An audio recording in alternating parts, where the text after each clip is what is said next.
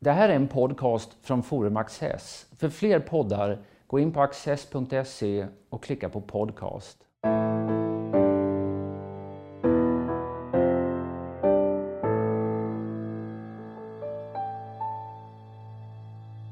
Välkomna till Studio Access. Eh, idag ska vi tala om Tyskland.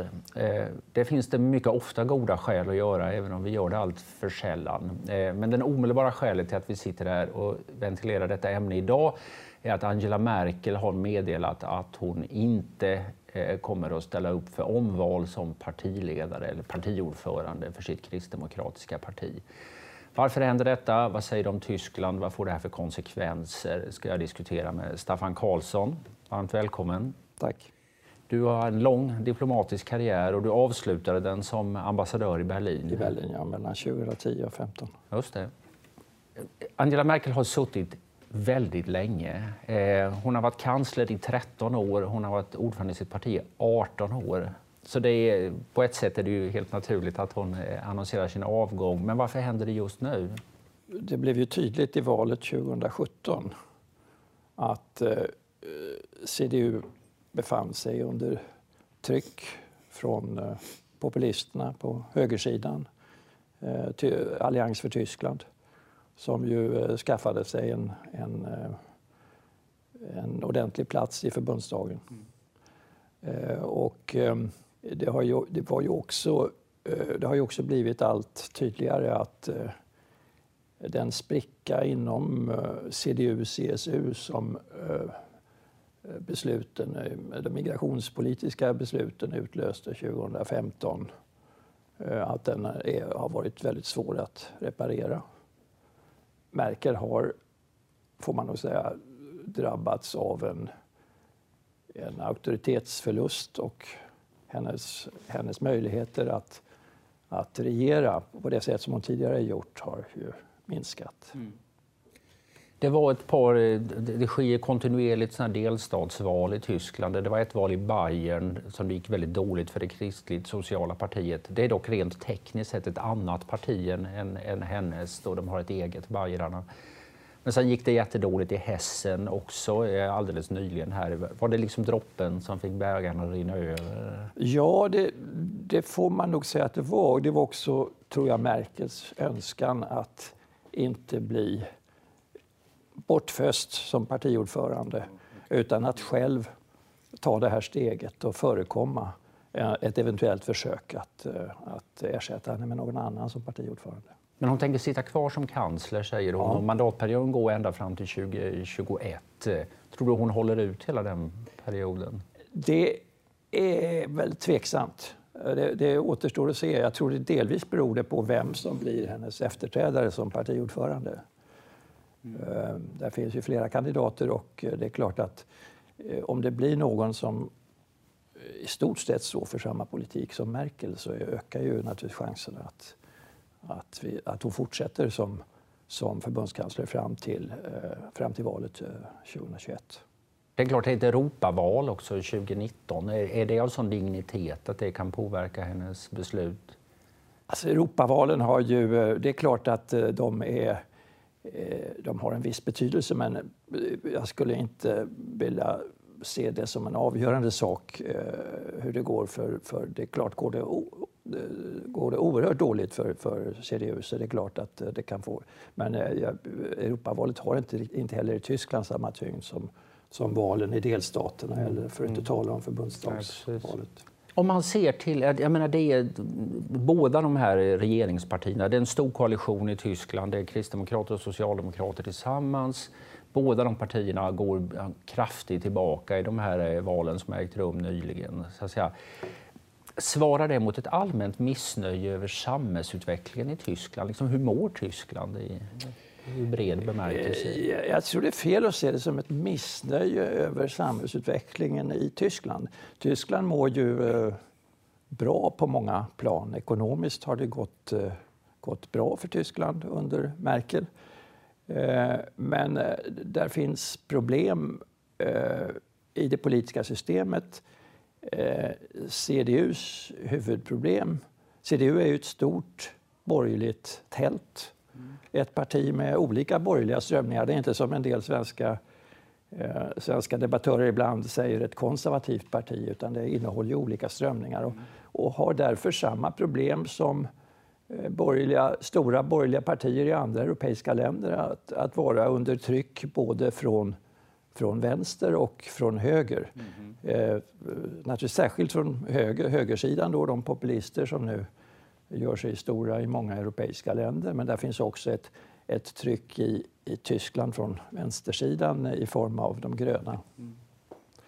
Eh, för Socialdemokraterna är det delvis, som ju det andra regeringspartiet, eh, där finns ju en i socialdemokratin eh, Alltså, där finns två stora problem, tror jag. Det ena är de Schröderska reformerna som partiet aldrig riktigt har velat... Trots att det var Socialdemokraterna som genomförde dessa reformer i början av 2000-talet så har, ju, har de skapat en spricka inom partiet som gör att partiet inte, inte är förmögen att ställa sig bakom eh, de reformer stå för ja, det de känns nästan ibland som att, eh, att eh, SPD har gjort det till sitt nya politiska projekt och upp, riva ja. upp de egna reformerna ja. som nu CDU försvarar. Ja, så kan man kanske se det. Och jag såg eh, för kort tid sedan så gick Per Steinbrück ut eh, och eh, sa i en intervju att det behövdes det behövdes en radikal förnyelse av Socialdemokraterna. Han, han förordade en, en en öppning åt vänster, vilket är, för att vara Steinbrück så är det väldigt överraskande därför att Steinbrück själv är ju inte en, står ju inte till vänster i socialdemokratin men han, han eh, eh, började resonera i termer så att det läs, nästan lät som att han önskade sig en tysk Bernie Sanders i ledningen för eh, de tyska socialdemokraterna. Det där är det ena problemet. Som, det andra är ju att eh, eh Merkel har ju regerat med Socialdemokraterna under större delen av sin tid som förbundskansler. Och, eh, eh man har genomfört en, en, del reformer, inte minst har Socialdemokraterna fått igenom en del reformer. Men ju fler framgångar de har haft på det planet, desto mindre har Socialdemokraterna blivit. Det finns en leda vid att sitta i regering med Merkel och bli allt mindre och mindre. Mm. CDU och Socialdemokraterna vill gärna se, se sig som Volksparteien, mm. alltså som, som stora eh, borgerliga respektive eh, då, ett stort borgerligt och stort socialdemokratiskt parti som har ett särskilt ansvar för, att, eh, för landet och eh, för hur landet styrs. Och, eh, det där eh, blir ju allt ihåligare. Eh, ju mer eh, Socialdemokraterna krymper, desto ihåligare blir ju talet om Socialdemokraterna som ett folksparti. I de senaste mätningarna är Socialdemokraterna under 15 procent. En, en, legendarisk förbundskansler efter andra världskriget och Konrad Adenauer. Han gick till val eh, någon gång i slutet på 50-talet på parollen Keine Experimente, inga experiment, nu håller vi given kurs och så här. Eh, då var han i och för sig 80 år, så det var kanske inte så... Eh, ja, många förklaringar. Eh, och det här kan, kan ju sägas ha kännetecknat även regeringarna Merkel. De, är, de, är, de har inte gjort...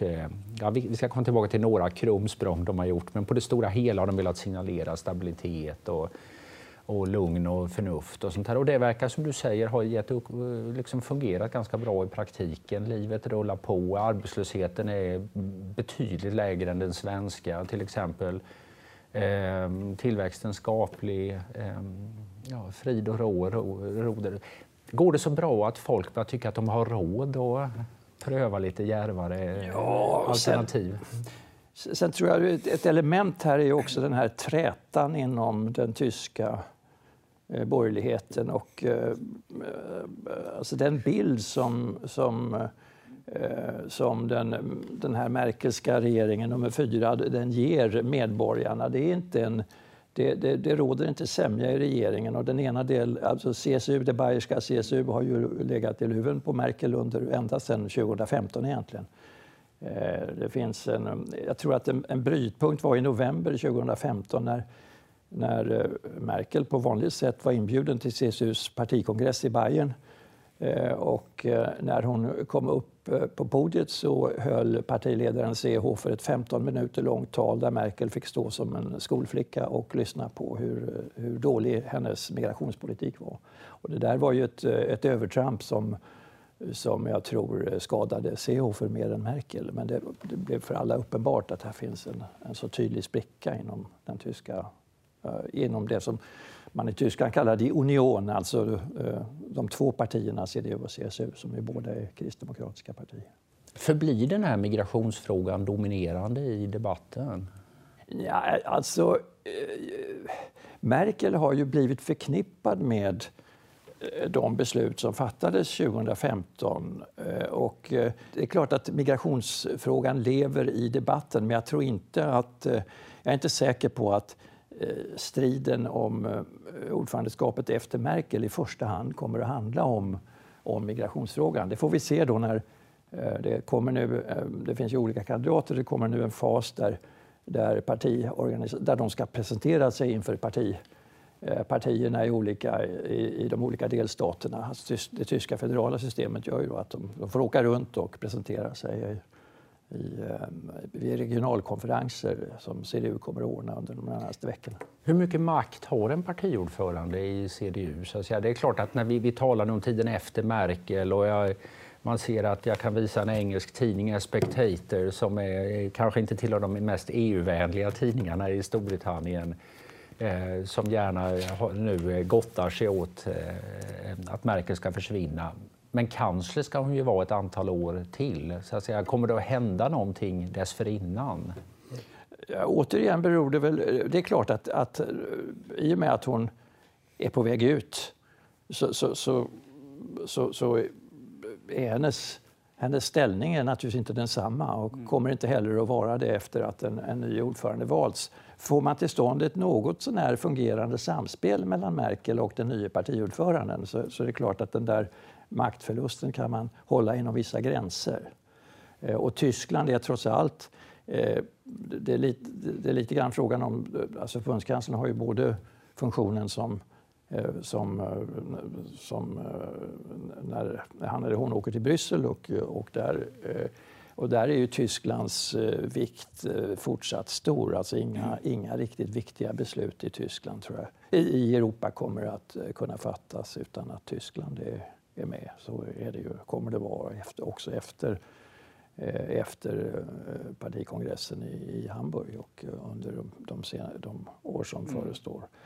Eh, Men det är ändå en risk eller möjlighet, hur man nu ser på sakerna, att liksom den tyska auktoriteten inom EU ja, försvagas? Ja, den försvagas. Den är ju, den är ju redan försvagad. Ja, ja. Eh, och, eh, och det handlar väl mer om att, att begränsa den där, att göra den så begränsad som möjligt, den här försvagningen av den tyska. Sen beror det då naturligtvis på hur den nya ordföranden, partiordföranden hanterar, hanterar situationen. Ja, vi ska kanske tala lite om detta. Det är, berätta nu här. Det finns, jag tror sist jag tittade var det 12 kandidater som hade annonserat ja. sin kandidatur, men det, det verkar vara tre stycken. Det, det är tre som... huvudkandidater ja. och jag skulle tro att i realiteten står mellan mellan två av kandidaterna, Annegret Kramp-Karrenbauer som är regeringschef i, i Saarland, som är en mycket liten delstat, mm.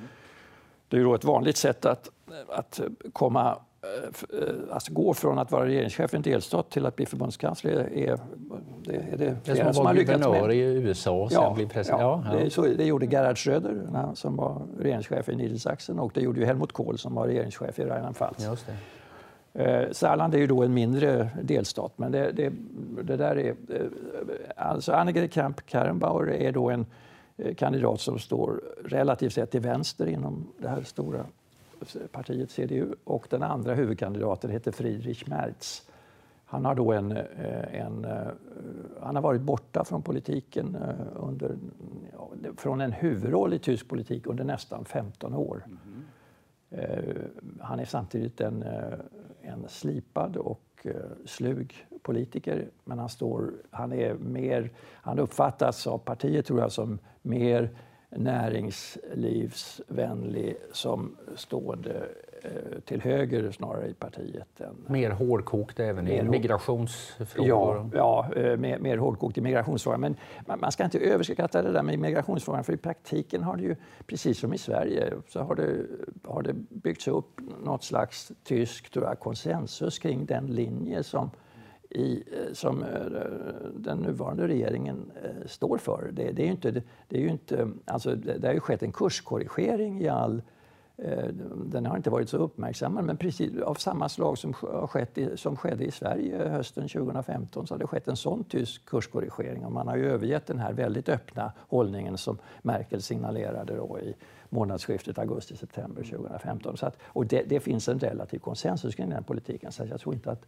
att det där kommer att bli en, en, en, en stor någon stor skiljelinje där. Även om en, en sån kandidat, den tredje huvudkandidaten, Jens Spahn, han, har ju, han, han kommer möjligen att försöka utnyttja den där frågan till sin fördel. Men, eh, och det, det har, han har redan varit ute i den frågan i, i, eh, efter att han tillkännagjorde sin kandidatur som partiordförande. Jag tror dock inte han har en någon, eh, han är ung och, och jag skulle tro att han kommer att få stå på tillväxt. Han är under 40 och det är med tyska mått mätt mycket låg ålder. Det är då svenska partiledare börjar ja. tänka på vad man ska göra näst ja, här i livet. Men ja, Tyskland är annorlunda eh, därvidlag.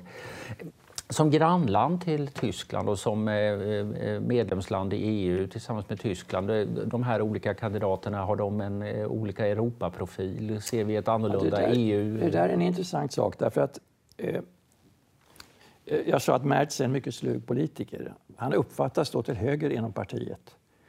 Eh, samtidigt ska man inte underskatta honom. Alltså han förstår ju att, eh, och det, den presskonferens han höll efter att ha tillkännagett sin kandidatur åkte han till Berlin och höll en presskonferens. Och den var full av signaler på att partiet ska styras från mitten. Eh, Volkspartei der Mitte kallade han CDU flera gånger under, och ordet mitte går nästan som en röd tråd genom hela presskonferensen. Han talade om sådana saker som miljöpolitik, hur viktig den är. Han talade hur viktigt det är med eh, en ny roll för, eh, för kvinnorna i partiet, en ny roll för de unga i partiet.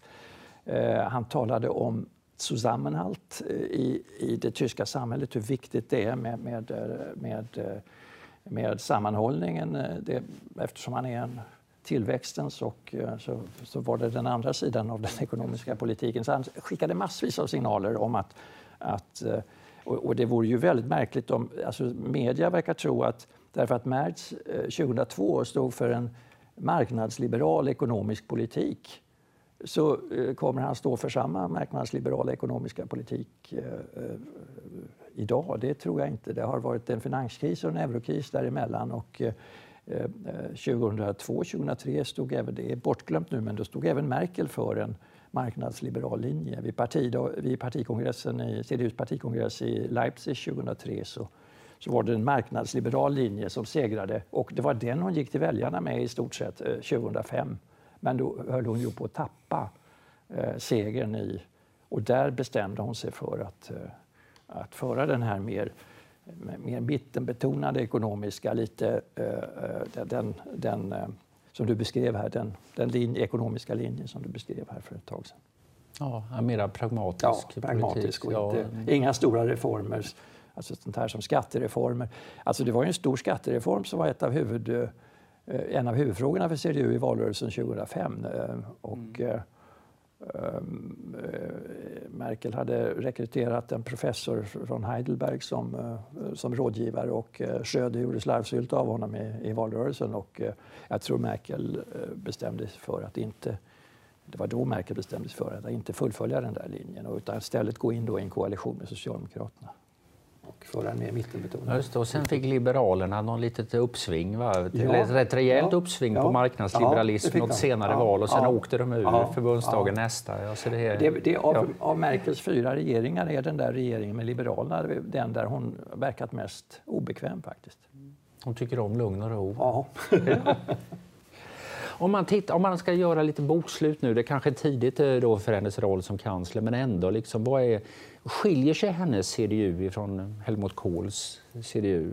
I, i, i högsta grad. Alltså om det, eh, eh, man kan väl säga så här att om inte så mycket har hänt när det gäller ekonomiska eller ekonomisk-politiska reformer, men om CDU är efter Merkel ett Eh, skulle jag nog vilja påstå, tysk, eh, ett, ett i grunden förändrat parti. Eh, och Tyskland är ett i grunden förändrat samhälle. Med, och det, det är där, på, alltså på det sociala området som de stora förändringarna i Tyskland har skett under den här tiden. det var ju förändringar som inleddes redan tidigare får man säga, alltså när det gäller invandrings, synen på invandrare, synen på kvinnor. Hemmafru Tyskland mm är inte avskaffat riktigt. Alltså hemmafru Tyskland det, det är kanske då eh, huvudsakligen, det är, det är ju inte det gamla DDR då utan det är då den gamla förbundsrepubliken, alltså den västra delen av Tyskland. Men hemmafru Tyskland är på väg att avskaffas och det är Merkels eh, eh har skett, skedde till stor del under, eh, alltså i början av Merkels regeringsperiod då hon ju eh, utsåg eh, nuvarande försvarsministern Ursula von der Leyen till att, och eh, hon genomförde med stor kraft ett antal familjepolitiska reformer och eh, eh, Tyskland är inget Sverige än i, i jämställdhetshänseende men har kommit en bra bit på väg. Och eh, synen på kvinnor och invandrare är en helt annan. Alltså, invandrare var man ju inte i Tyskland, man var gastarbeiter. Eh, de där lagarna som, som styrde den tyska synen på, på invandringen de ändrades av den rödgröna regeringen, eh, alltså regeringen Schröder-Fischer. Men, eh, För ett, alltså... antal, ett antal år innan det här med den här stora flyktingkrisen kom så höll Merkel något rätt uppmärksammat tal där hon talade om att eh, multikulturalismen har misslyckats. Eh, ja. och det tolkades ju av många som ett, eh, ett eh, invandringskritiskt förslag men det handlade väl om att komma bort från den här gastarbeiter-tänkandet? Absolut, absolut. Ja. Där missförstod, där man missförstod, missförstod det vad, vad Merkel hade sagt. Eh, alltså, om, någon, om tyska politiker på 90-talet, 1990-talet hade sagt sådana saker som att islam är också en del av Tyskland. Mm. Det, det, är ju, det är ju eh, numera en accepterad sanning, även om den inte är accepterad av, av populisterna på högerkanten. Mm. Så skulle det, det hade, hade varit otänkbart att en tysk politiker sa något sånt. 80 eller början av 90-talet. Vi måste hinna med. Jag ser att tiden flyger ifrån oss som den ofta gör när man har intressanta ämnen på gång här. Men eh, vi måste prata lite om det här nya alternativet för Deutschland också som nu tror jag finns representerat i alla de tyska förbundsländerna och i, även i förbundsdagen. Eh, de här kandidaterna som nu eh, Eh, Eh, vill efterträda Merkel.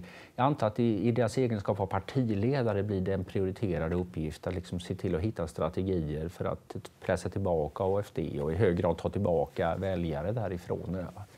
Talar de om detta? Har, det, har de någon gemensam idé om eh, varför det här problemet har uppstått och vad man kan göra åt det? Ja, alltså vi har ju ännu inte riktigt nått det stadiet där kandidaterna har börjat tala om vad har de då för recept egentligen. Merz har pekat på det här problemet. Han gjorde det till en, eh, det är en huvud...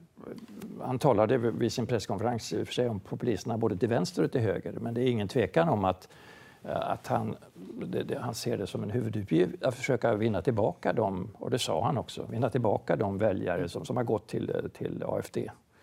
Ehm, och eh, eh alltså om vi ska eh, prata två sekunder om Annegret Kramp-Karrenbauer så är hon också en, en eh, hon, kan, hon står ju då längre till vänster och man kan väl se det så att eh, jag tror att tyska, tyskar i allmänhet ser det så att för, för Merz är en naturlig samarbetspartner för CDU-liberalerna.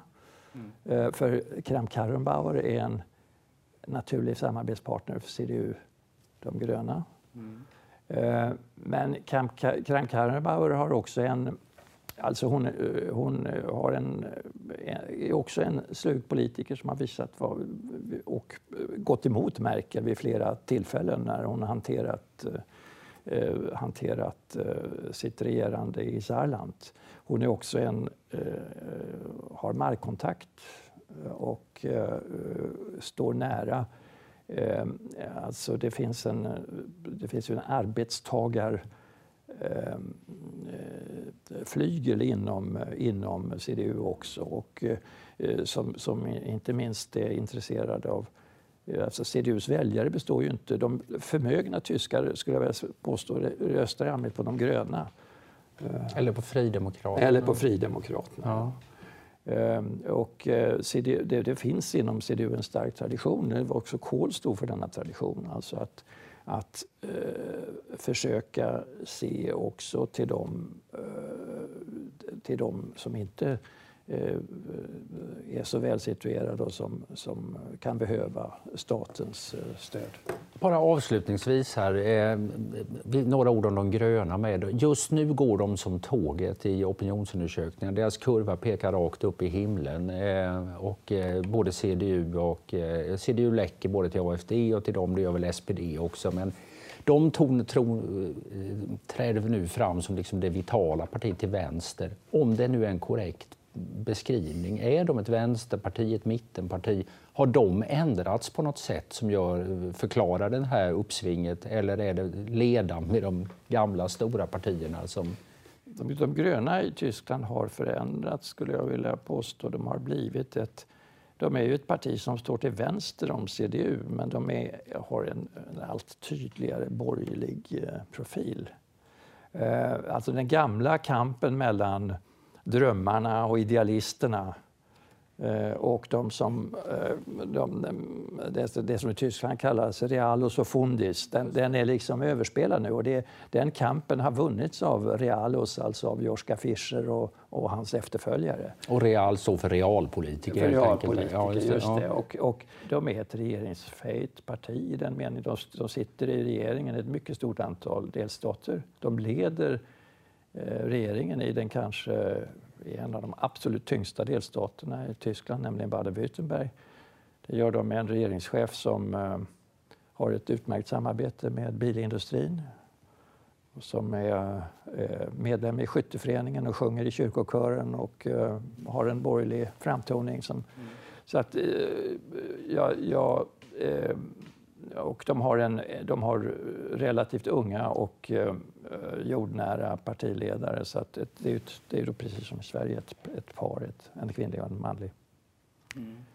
Eh, och, eh, så att de, jag skulle, de, de är ett, rätt, ett borgerligt vänsterparti skulle jag vilja karaktärisera som. De är mycket starka i de tyska storstäderna.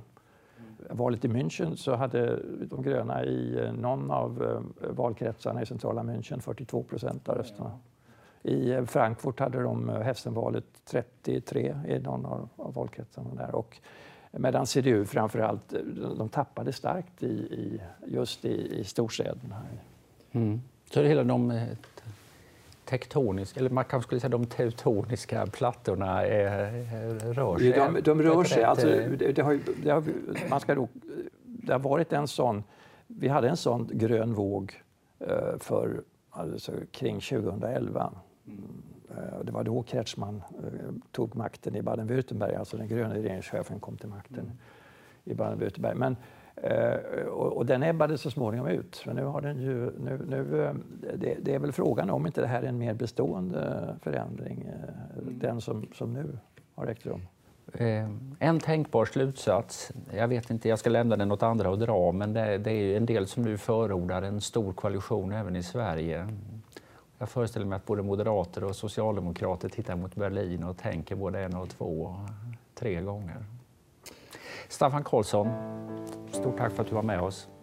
Stort tack för att ni har tittat.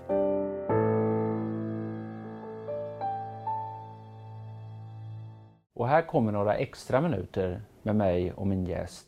Jo, men det här med Merkel eh, och hennes eh, ledarskap. All, all denna pragmatism. Eh, och sen plötsligt eh, energivände där en händelse i Japan på andra sidan jordklotet får henne att och liksom, eh, säga att man ska lägga ner hela den tyska kärnkraften. Eller för all del den här migrationskrisen när det kommer enormt mycket folk och hon liksom plötsligt säger vi schaffen das, vi grejar det här, kom så många ni vill som det uppfattades. Vad, vad är psykologin ja, kring det, det här är ju något av det fascinerande med, med denna kvinna. Eh, alltså beslutet 2015 i migrationsfrågan att hålla gränserna öppna och att låta flykting, flyktingarna komma in i Tyskland. Eh, där blottades ju märket. Det, det, var ju ytterst ovanligt. Det, det är väl det, det enda exemplet alltså på där hon exponerar sig eh, gör sig angripbar och sårbar och är känslomässig också i sina uttalanden. Ehm, Beschaffenes är ju inte så, eh, det, det, det, här klarar vi, det är inte särskilt känslomässigt. Men Hon sa också sådana saker som om, om detta om vi inte förmår att visa ett vänligt ansikte mot flyktingar som söker sin tillflykt i vårt land, då är det här inte mitt land. Det är, alltså det för vad Merkel är detta ett utomordentligt eh, känslomässigt... Eh, mm. Samtidigt måste man ha klart för sig att en tysk förbundskansler, hur skulle, hur skulle opinionen i Tyskland och Europa ha sett ut om Merkel hade följt, i detta läge hade följt den motsatta linjen? Alltså Tyskland, ett stukat land med ständigt dåligt samvete för de olyckor som landet har dragit över Europa, stänger ute dessa det, det, det, det, det är inte en, jag, tror, jag, ser ingen tysk politiker som skulle ha varit beredd att ta ett eh, sånt. Jag undrar om ens Horst Seehofer skulle ha varit beredd att ta ett sånt beslut. Så kritikerna dyker upp först i efterhand menar du?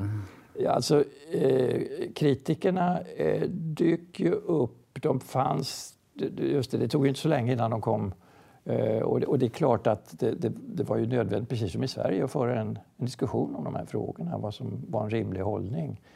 Eh, och hur mycket, hur mycket landet klarade av. Ehm, men jag tycker det är intressant just för att det här, det här var, det, det var ett... Merkel är ju en rationellt eh, kalkylerande politiker och här, här fanns ett, ett, ett känslomässigt eh, och ett engagemang som, som, som syntes väldigt, väldigt tydligt. När det gäller de andra... Hon är också prästdotter. Ja, just det. Ja. ja och, och det är också så att när, när CDU-are talar om sitt parti, alltså i högtidliga sammanhang, så är det här, det här med kristna, att partiet har kristna rötter är inte bara eh, det, är inte bara högtidstal alltså, utan det är, det, är, det, det är tror jag, en, eh, hos många partimedlemmar. En, eh, och, och det är inte, eh, alltså en, en, hård, en hård flyktingpolitik skulle inte ha varit eh, okontroversiell. Du skulle ha fått en en debatt av annat slag. Man skulle ha fått en kritik mot, mot partiledningen mm. i partiet. När du säger att det råder konsensus om den nya politiken, innefattar den konsensus även till exempel de gröna? Nu? Alltså de, de gröna är, har ju en... Eh, ju, de vill ju ha en, en, något mjukare... De driver ju en mjukare linje i migrationsfrågorna än, än, eh, än vad CDU gör. Så de, de, de, och de de, en del av deras, den dragningskraft de, de gröna har haft på CDUs väljare hänger ju samman med, med att eh, i Bayern till exempel, hänger samman med att CSU uppfattas som väldigt tufft och, eh, och hårt i, i dessa frågor. Och man får en utströmning till de gröna eh, från, från eh, de som står till vänster i CSU på samma sätt som skedde i, i Hessen också. Mm. Eh, när det gäller, eh, nu kanske. Men, men de här andra besluten där hon har bara... Ja, just det. Ja, kärnkraften, ja, kärnkraften till exempel. Ja. Värnplikten. Eh, där är något... Eh, alltså Merkel har själv fått frågan, eh, den här frågan som du ställer. Mm. Då har hon svarat ungefär så här. Ja, det där kan, det där kan ha sett ut som någonting väldigt plötsligt för er, er journalister menar hon väl då. Men, men, men jag hade ju funderat på det här väldigt länge. Eh, alltså det, eh, och det, det där tror jag har med hennes DDR-bakgrund att göra lite grann. Alltså att, eh, hon är van att... Eh, hon, det är ett förhållningssätt som hon har haft. att hon, har, hon, hon tar in en massa information och hon säger inte någonting utåt. Men där pågår en, och jag tror, och det, det är ju det är ytterst ovanligt, det har pågått processer som inte har varit kända utåt. Och det, där finns också en, lojalitet hos hennes medarbetare den är ju enastående. Det, det har ju aldrig läckt någonting från, mm. det läcker aldrig någonting från för, förbundskanslerns kontor. Hur, hur, jag menar, det, det, det, I modern politik är det ytterst ovanligt. Och så där kan ha pågått saker som vi inte har känt till. Och dessutom är, är det ju så att det, är inte bara plötsligt det, det sker någonting och det är inte bara Merkel.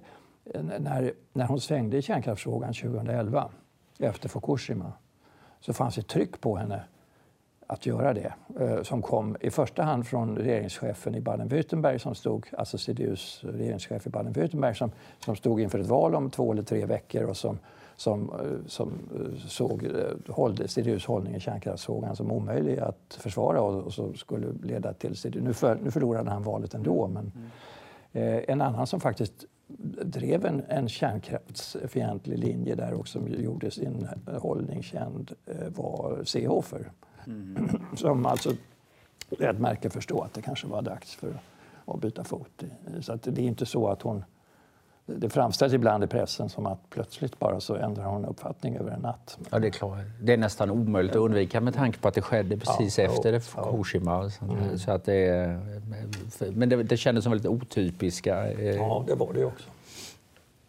Och har väl också ställt till det en hel del i den tyska energisektorn. Att det, de var inte riktigt redo för detta. Nej, energipolitiken är ju en av hennes eh, energi och klimat och miljöpolitik är väl en av minusposterna i Merkels, eh, får man väl säga. Hon har varit retoriskt rätt stark, men eh,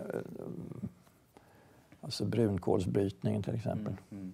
Den är ju, eh, det, det, är ju inte en del av en rationell energipolitik och, man, och, och, klimatpolitik. Och man kan ju fråga sig om alltså en bil... Hon har varit en duktig försvarare av tysk bilindustri. Mm. Det gäller att hålla flera tankar i huvudet eh, samtidigt. Ja. När man är... Men, men, eh, och, och i Bryssel ju varit stenhård alltså på att driva den tyska bilindustrins intressen. Men, eh, nu hamnar man i ett läge där man får en massa körförbud på tyska dieselbilar. I, eh, och eh, jag menar, är tysk, är det har det industripolitiskt varit en... Industripolitik kanske inte överspelat, men, men alltså ett, Tyskland har väldigt många ägg i den här bilindustriella... Det är, en otroligt central del av tysk ekonomi. Och eh, är det, om, om man ska titta efter svagheterna i tysk ekonomi så är det väl just alltså, bilindustrins enorma dominans och är den tyska bilindustrin rustad för den omställning som nu kommer? Alltså kommer, kommer man hänga med där? Ja, men det, det, det talas ju mycket i och för sig om det här tyska Mittelstand och att ja. det finns en stor, stor eh, en rik sektor med mycket olika industriföretag. Men det är klart, många av dem är också underleverantörer mm, i, mm, i, i bilindustrin. Mm, de. Ja, vi får se, som så ofta får man se vart saker och ting tar vägen. Fin, eh, AFD här, har de eh, planat ut nu? Och, eh, eller vad, vad, vad, är den allmänna bedömningen? De är nu större än eh, SPD såg jag i den senaste sammanställningen ja, av opinionsundersökningar. Ja. Större än Socialdemokraterna? Är... I, den, I den senaste, som jag såg, eh, nationella mätningen så var SPD parti fyra. Alltså efter, ja, efter de gröna och efter Jo, men jag tog ut här, jag har framför mig en utskrift av det. Det finns någon som väger ihop de olika mm. institutens mätningar mm. och då är ja, CDU är störst med 26 procent. De gröna har ryckt upp ända till 21 procent. Och sen är AFD då på marginalen eh, större än socialdemokratin. Det måste vara en oerhörd nesa för Willy Brandts och Helmut Schmidts eh, eh, gamla parti. Alltså det, där, det där är ju, om AFD har nått sin kulmen eller inte, det där är ju svårt att svara på. Alltså, valen i Bayern och Hessen, de som hölls nyligen, där, där, där eh, fanns det en besvikelse i AFD över att de inte gjorde bättre ifrån sig. Eh, det uppfattades av det bayerska, eh, det bayerska AFD i sin, eh, verkar i sin eftervalsanalys ha landat på att motståndarna lyckades på ett framgångsrikt sätt klumpa ihop AFD med nynazistiska mm. strömningar. Och det, det, är ett så starkt, det här med nynazism är för flertalet tyska väljare ett så starkt tabu så att de kanske drog sig för att, menar AFD, att lägga sin röst på Alltså AFD landade, om jag kommer ihåg rätt, kring 10 procent i, i Bayern. Mm. Men de blev större än SPD även i Bayern? Ja, det blev de därför att eh, Socialdemokraterna gjorde ett så uselt val och de nådde inte ens upp till 10 procent. Eh, AFD, man ska komma ihåg att AFD är inte ett starkt parti i alla delar av Tyskland. I norra och nordvästra delarna av Tyskland är AFD ett eh, ganska litet och obetydligt parti. I en så viktig delstat som Niedersachsen hade de ett rätt så dåligt. Och i Schleswig-Holstein likadant. Mm. Eh, medan de ju är stora i östra delen av Tyskland. Ja, det är val i Sachsen nästa år ja. och det är väl deras starkaste mm. delstat i mm. södra mm. delarna av gamla mm. Östtyskland. De två, deras två starkaste delstater är nog Sachsen och Sachsen-Anhalt. Mm. Men vad vet man om eh, hur valkampen där kan gestalta sig? Och, eh... där, där, där, där, finns ju, där kommer det ju att i Sachsen tror jag det, det, det där är ju AFD nästan lika stort Eh, och i en del mätningar större än största parti. Mm. Så att eh, där blir det ju en strid på kniven mellan eh, mellan, som det ser ut nu i alla fall, mellan CDU och, och AFD. Mm. En tuff uppgift för den nya CDU-ordföranden efter Merkel, vem det nu blir. Tack igen Staffan Karlsson.